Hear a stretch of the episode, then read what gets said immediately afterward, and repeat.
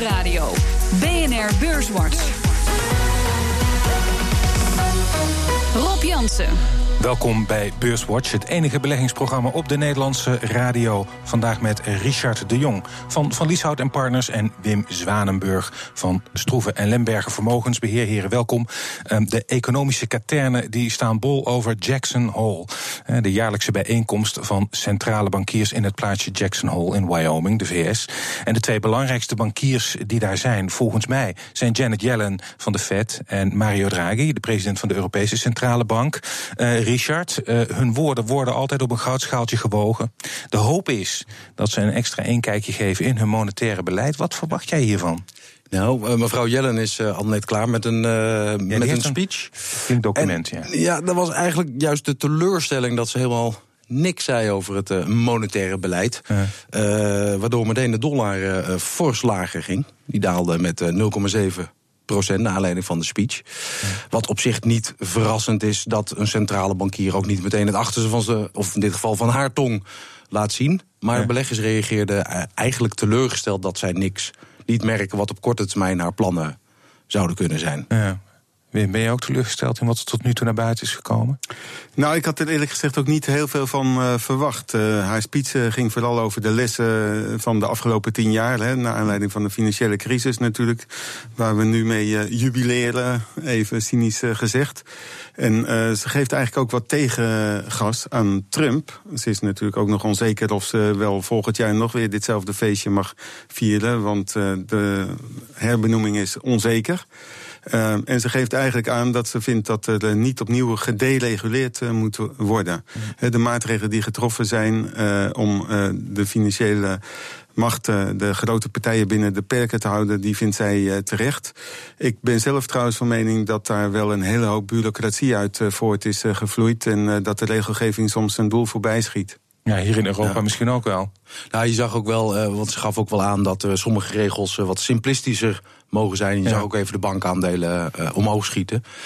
maar hier, zeker op, hier ook in Europa merken we dat de regelgeving behoorlijk toeneemt. Maar goed, daar hebben we het schijnbaar ook met z'n allen nagemaakt in de crisis. Ja, um, nou, dat is een discussie die ik nog wel gevoerd uh, zal blijven worden... met ook nieuwe regels die, die op ons af gaan komen. Um, ik wil toch nog even terug naar dat monetaire beleid. Ook al zeggen ze daar ja. uh, nu niet zoveel over. Maar ik kan me voorstellen dat jullie er wel een verwachting over hebben. Want uh, als je kijkt, uh, Richard, de, de, de inflatie is laag ja, de, hun beleid, de stimulering, ja, krijgt die inflatie niet omhoog. Dat is wel een doelstelling, althans niet, uh, niet structureel. Um, zouden ze het niet wat actiever moeten zijn? Of moet dit geen impact hebben op hun beleid? Het feit dat, die, dat ze de inflatie niet aan een lijntje hebben? Nou, ik denk dat je eigenlijk uh, dat de vet, als je diep in alle harten uh, zou kijken, dat ze wel degelijk uh, de stimulering die ze nog steeds doen, behoorlijk zouden willen afbouwen. Alleen ook als je de woorden goed interpreteert, en dat is mijn mening, hmm. ook zij kijken af en toe wel met een, een, een gefronste wenkbrauw naar meneer Trump.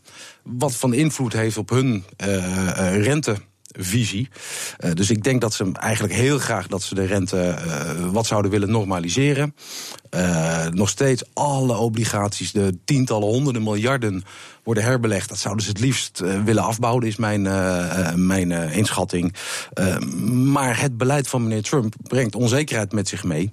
Ja, en dat houdt volgens mij de vet een beetje tegen. Zie jij dat ook, dat Trump ja, invloed dat heeft? zie ik zeker. Uh, en, en, bovendien, de financiële markten en de centrale banken houden elkaar in een uh, wurggreep. Uh, inderdaad, je zei al, uh, alle woorden worden op een goudschaaltje gewogen... en worden voortdurend ja, aan, aan nadere uitleg onderworpen. Ik denk dat die normalisatie echt gewenst is. Want een van de lessen van de financiële crisis is dat je op tijd klaar moet zijn. En er vallen weinig instrumenten meer in te zetten. ik denk dat de rente, de geldmarktrente in Amerika, waarvan nu verwacht wordt dat er dit jaar helemaal geen verhoging meer zal plaatsvinden, dat die toch eigenlijk nog omhoog zal moeten, omdat je anders geen gas kan geven wanneer de volgende crisis uitbreekt. en men kan niet meer opnieuw de instrumenten van quantitative easing, zeg maar van uh, opkoop van uh, schulden van overheden, nog in dezelfde mate toepassen. Want de centrale banken zijn al de grootste houders van de staatsschulden. En zijn al de grootste portfolio managers ter wereld geworden. Dus dat instrument dat werkt voorlopig ook niet. Dus men moet het heel geleidelijk gaan doen, geleidelijk gaan afbouwen.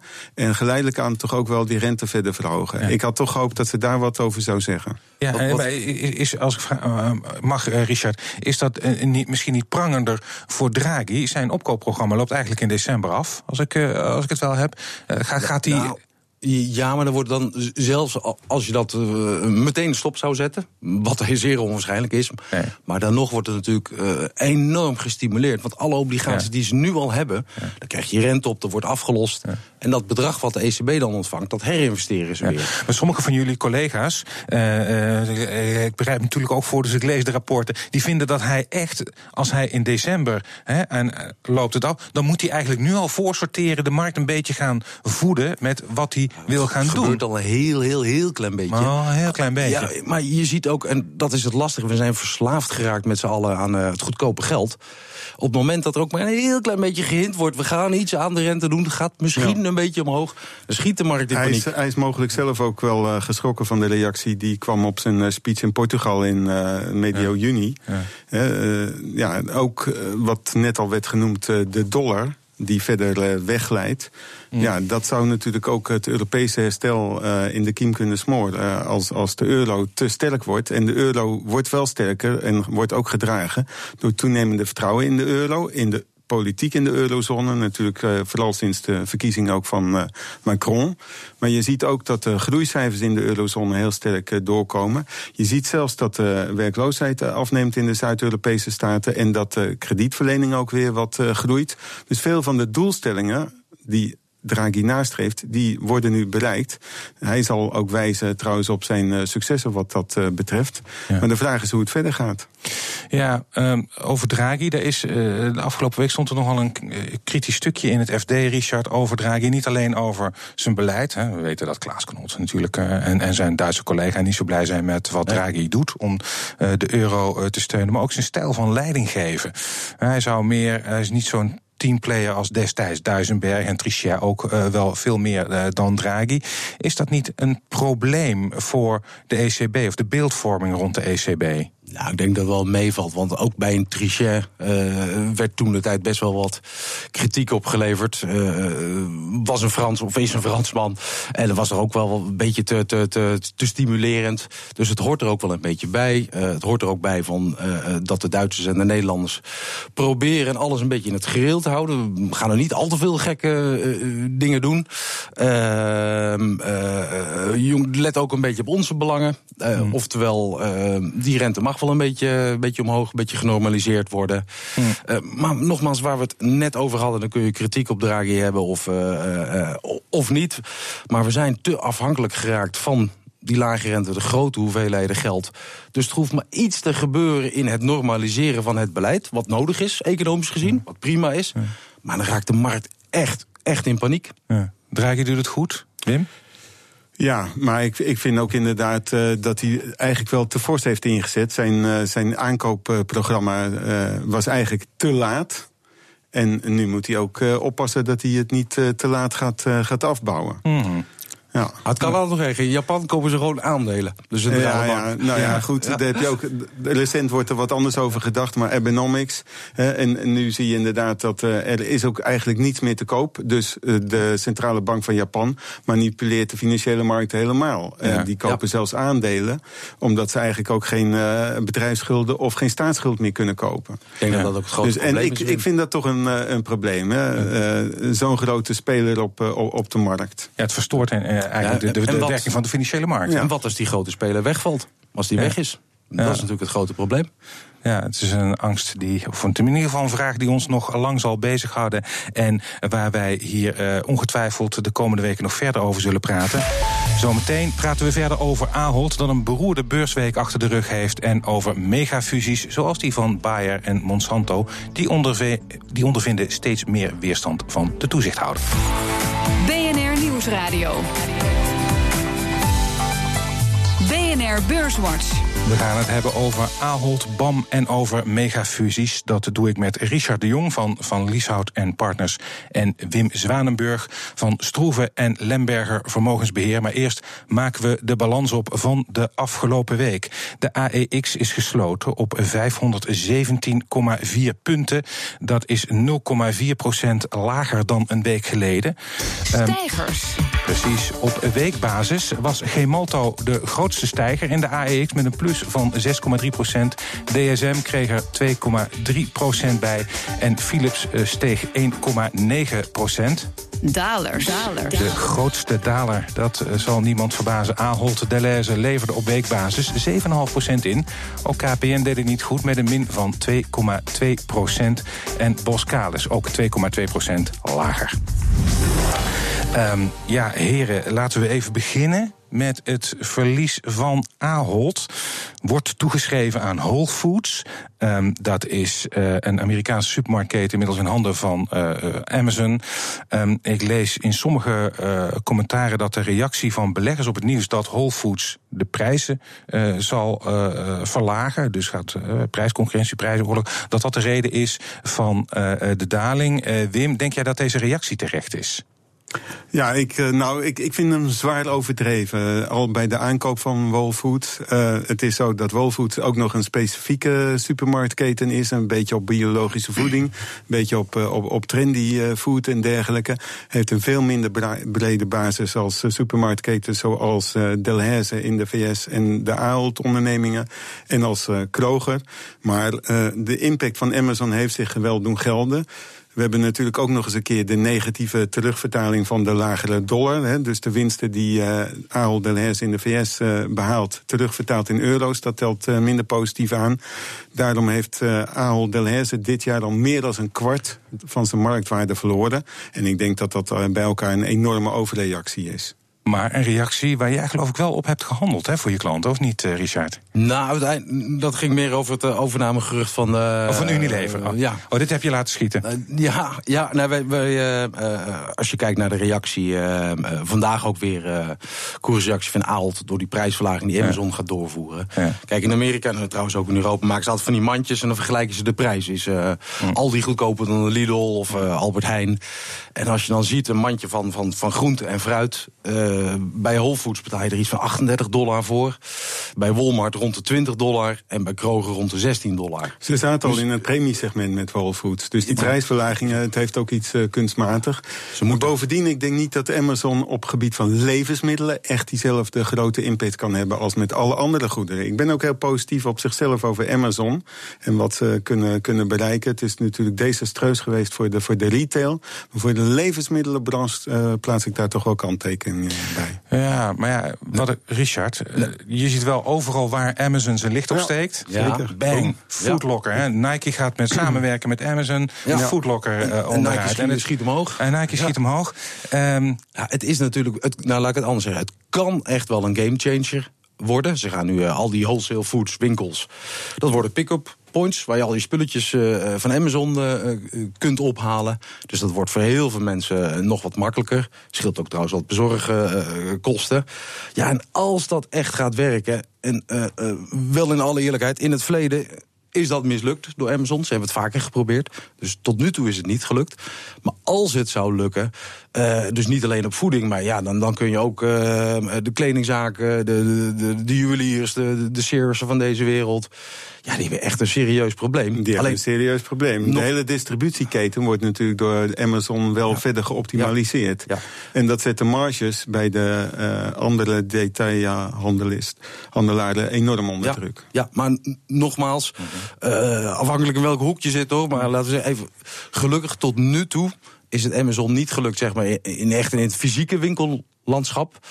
Ja. Uh, uh, en ze hebben natuurlijk zo'n gigantische power ja. uh, achter zich staan. Ja, dat is een beetje uh, misschien ook wel het probleem. Hè? De trend dat uh, zeg maar die paar grote bedrijven, dan hebben we het over Amazon, Facebook, ja. noem maar op, die, die nemen een steeds groter deel van de koek, van de winst, wordt door een steeds kleiner deel van de bedrijven gemaakt. En dat kan op een gegeven moment natuurlijk wel een verwoestende werking hebben. Nou, je ziet zelfs een Walmart, dat was een aantal jaren geleden ondenkbaar. Dat, dat, dat, Onaantastbaar, ja. Onaantastbaar, een powerhouse. Maar goed, die, die zegt ook stappen. Wij gaan ook met andere techbedrijven samenwerken. Ook eh, met de Googles van deze wereld. Ja, dat zijn ook geen kleine jongens. Nee. Dus dat wordt natuurlijk wel een hele interessante eh, strijd. En je ziet eigenlijk op alle terreinen, volgens mij, waar je gaat kijken over eh, vijf tot tien jaar, hoewel dat een vergezicht is, dat je een aantal grote ondernemingen op alle verschillende deelterreinen kopen ze elkaar. De winner, the winner takes all. Hè? Ja. Maar ja, als dat ook echt effectieve marktmacht eh, wordt, dan kan je bij sommige van die fusies en overnames toch wel kanttekeningen plaatsen. En ik eh, vind ook dat eh, de mededingingsautoriteiten wat dat betreft ook wel eens een keer terecht ingrijpen. Ja, daar, Ja, bij Whole Foods hebben ze het niet gedaan. Nee. Nee. Want dan maken ze het tussen fysiek Ja. en online. Ja, dat zijn verschillende markten. Ja. Wat natuurlijk onzin is. Helemaal geen, het blijft dezelfde consument. Maar Ja. goed, eh, het is wat het is. Ja. Nee, maar tot nu toe is die hele, hele markt en ook met nieuwe toetreders zoals Aldi en Lidl eh, aan de oostkust van de VS is die hele supermarktketen nog eh, redelijk eh, gefragmenteerd. Ja. Dus Mm. die, die, die, die markt, daar is nog niet zo'n concentratie als in een aantal andere technologiemarkten Mm. wel het geval is. Maar je ziet inderdaad bij de megafusies, als je dan kijkt naar Amerika, heb je AT&T wil Time Warner overnemen. Daar is Mr. President Trump himself niet blij mee. Kan ik me ook wel voorstellen. Ehm, er is eh, deze week ook bekend geworden dat de overname eh, van Monsanto door Bayer eh, extra onder de loep wordt genomen. Nog niet goedkeurig, maar extra onderzoek door de Europese Commissie. Richard, heb jij het idee dat ze strenger worden? Dat ze bijvoorbeeld dit soort concentraties wel wat harder gaan aanpakken? Nou, in Europa niet. Want eh, als we bijvoorbeeld kijken naar eh uh, Anheuser-Busch InBev... eh, tegenwoordig het Belgische Ja. bedrijf... maar een grote, grote partijen overgenomen. Eh, ook daar werd gezegd, dat mag je best overnemen... maar dan moet je hele grote blokken weer herverkopen. Ja. Eh, in Amerika zou ik me, precies wat jij zegt erop, zou ik me voor kunnen stellen. eh, eh, dat een Trump, eh, hoewel die er officieel natuurlijk niet over gaat, Nee. zegt ja, maar dat kost werkgelegenheid. Dus we gaan het niet doen. In hoeverre dat in de praktijk dan ook uitgevoerd kan worden, is een tweede. Maar ik zie het in Europa, zie ik ze niet strenger eh, dan, dan, dan een tijd geleden. Ik zie toch wel wat beren op de weg. En, en, en terecht, want het hangt van de markt en het hangt van de productrange af. Eh Bayer en Monsanto, dat leidt toch wel tot een enorme concentratie. En je hebt in die eh, eh, markten toch al een enorme consolidatie gehad. Recent ook, of wat nu nog steeds speelt, de fusie eh, tussen Dupont en Dow. Syngenta is overgenomen door een eh, Chinese eh, partij. Dus in de wereldwijde markt voor eh, gewasbescherming, voor zaadveredeling kiezen. en noem maar op. Die eigen die markten. En daar zijn dus ook lobbygroepen, die zijn daar tegen in het geweer gekomen. En ik denk dat er zeker wel voorwaarden aangesteld gaan worden aan de overname van Monsanto door Bayer. Ik schat nog steeds wel in dat die uiteindelijk wordt toegestaan. Maar niet zonder slag of stoot. En het neemt een geruime tijd in, in, in beslag voordat die toestemming verkregen wordt. Maar bijvoorbeeld de afgelopen week, AT&T en eh, Time Warner, hè, wat dan weer door een eh, Braziliaanse eh, partij wordt, toezichthouder wordt geblokkeerd. Het zijn ook allemaal wereldconcerns, mondiale ondernemingen. Dus dat betekent ook dat ze vallen onder verschillende regimes van verschillende toezichthouders. En dat kan hier en daar toch wel een kink in de kabel opleveren. Ja, dat kan misschien ook eh, Unilever gaan opbreken als zij. Eh Estée Lauder, de cosmetica-fabrikant, Amerikaanse club, willen overnemen. Richard, eh, ik vergiste me inderdaad. eh, daar had jij op gehandeld, mailde je me eh, vandaag al. Wat heb je precies gedaan toen bekend werd dat ze misschien eh Estée Lauder willen overnemen? Nou, maar meteen in de deur, met de deur in huis vallen uiteindelijk niks. Want we Oh. moeten even goed realiseren. Eh, Een aantal weken geleden, ook uit eh, betrouwbare bron, werd nog eh, geschreven, geruchten, dat ze Colgate zouden gaan overnemen. Ja. Eh, en we weten eigenlijk allemaal wel dat Unilever eh, is de margarine-divisie aan het verkopen. Dus ze krijgt een hoop geld, eh 6 miljard. En ze willen nu in plaats van prooi, willen ze de jager worden. Dus ze Ja. willen met name eh, die groepen overnemen met wat hogere marge. Dat kan een Colgate zijn of een ST. eh, eh, dus ik denk wel dat een van die partijen of een andere overgenomen gaat worden. Uiteindelijk door Unilever. Alleen zo'n eh, ST, eh, je betaalt 25 keer de winst daarvoor. Als je het dan ook nog eens een keer moet overnemen met een premie. eh, laten we zeggen dat je na de 30 keer de winst uiteindelijk dan moet. 20% Verdien je dan nog wat aan? Ja, eh, het is wel erg prijzig. Het is ook een mega bedrag van meer dan 40 miljard dollar dan marktkapitalisatie... als de premie betaald moet, moet worden. Moet je nog maar Estée Lauder in, in, in de parfumerie laat recent wel hele goede resultaten zien. Is ook zeer winstgevend, maar zelfs zij zijn niet zonder problemen. We hadden het over de retail. in Amerika is bijvoorbeeld 10% van de verkopen van Estée Lauder... was bij Macy's, een van de grote warenhuizen. En dat verschuift ook steeds meer naar online. Dus ja, ja daar zal Unilever ook op in moeten spelen. Hm. Heel kort, want uh, uh, je liet net het woord resultaten van. Toen schoot meteen even door mijn hoofd. Bam, de grootste aannemer van Nederland kwam met cijfers. Leek mij ja, toch een verbetering. In ieder geval van de netto-winst. Portefeuille zag er beter uit. Maar beleggers reageerden niet enthousiast. Heb jij enig idee, Richard, waarom ze zo gereserveerd waren? Ja, dan moet je ook wel realiseren, uh, beleggers lopen altijd op de muziek vooruit. Dus er zat al heel veel goed nieuws. Ingeprijsd, koers is hard gestegen. Je betaalt al elf keer de winst voor het aandeel. Historisch zeven keer de winst. Dus het gaat beter, maar daar waren beleggers al op vooruit gegaan. En er zaten toch echt wel, als je wat dieper keek, wat, wat pijnpuntjes. Uh, ook in de Nederlandse markt, behalve de woningbouw. Maar infrastructuur zaten toch weer wat verliezen die ze niet hadden verwacht. Uh, je hebt natuurlijk ook nog het Verenigd Koninkrijk dat speelt, waar ze een groot gedeelte van omzet halen. Zint op verbetering van de infrastructuur in, in het Verenigd Koninkrijk. Nou, we zien ook dat het pond onder druk staat. Dus uh, de onzekerheden in die aannemersbranche, die zijn wat dat betreft ook voor BAM toch wel heel groot. En ze zitten ook nog heel ver af van de marge die ze uiteindelijk nastreven van 10% op het geïnvesteerd vermogen aan rendement. Ze maken nog geen drie. Ja, nou, dat, dan is misschien inderdaad die voorzichtige houding uh, uh, wel te begrijpen. we, hebben, we zitten alweer vlak bij het einde. En aan het eind vraag ik altijd een tip aan mijn gasten. Een tip voor de luisteraar. Welk aandeel, welke obligatie, wat dan ook, vind jij koopwaardig voor de luisteraar? Richard. Nou, mijn tip is, uh, in alle eerlijkheid, ik had een andere tip, maar we hebben er uitgebreid over gesproken vandaag. Uh, je moet eigenlijk afblijven van die aandelen waar iedereen positief is. En uh, die aandelen kopen waar iedereen negatief over is. Ja. En dat is een mooie tip voor de luisteraars. Ahold. Ahold de lezen is jouw tip. Wim? Ik heb een uh, voorkeur, uh, een tip uh, Micron Technology. Dat is een Amerikaanse halfgeleiderproducent. Die leverde de afgelopen kwartalen steeds beter dan verwachte resultaten. Is natuurlijk erg cyclisch, maar er komt nog heel veel goeds aan. We zien positieve bijstelling van de winsttaxaties voor de halfgeleiderindustrie, omdat die gaat inspelen op virtual reality, augmented reality en artificial intelligence. Ik denk dat dat de komende jaren een hele sterke trend is. En Micron Technology gaat daar ook van profiteren. Maar je kan bijvoorbeeld ook naar Nvidia uh, kijken en dat soort uh, aandelen. Of TSMC, de toeleveranciers ook van, uh, van Apple bijvoorbeeld, maar ook van hun Apples concurrenten. Dus de halfgeleiderindustrie, ik denk dat daar de cyclus nog lang niet ten einde is. We gaan het zien. Um, we zijn uh, aan het einde gekomen van uh, Beurswatch vandaag. Ik dank mijn gasten Richard de Jong van Van Lieshout en Partners en Wim Zwanenburg van Stroeven en Lemberger Vermogensbeheer. Volgende week is er natuurlijk weer een Beurswatch. Deze uitzending kunt u naluisteren op de website van BNR of via de BNR-app. En heeft u nog vragen, dan kunt u een tweet sturen naar Rob of BNR. Dank voor het luisteren.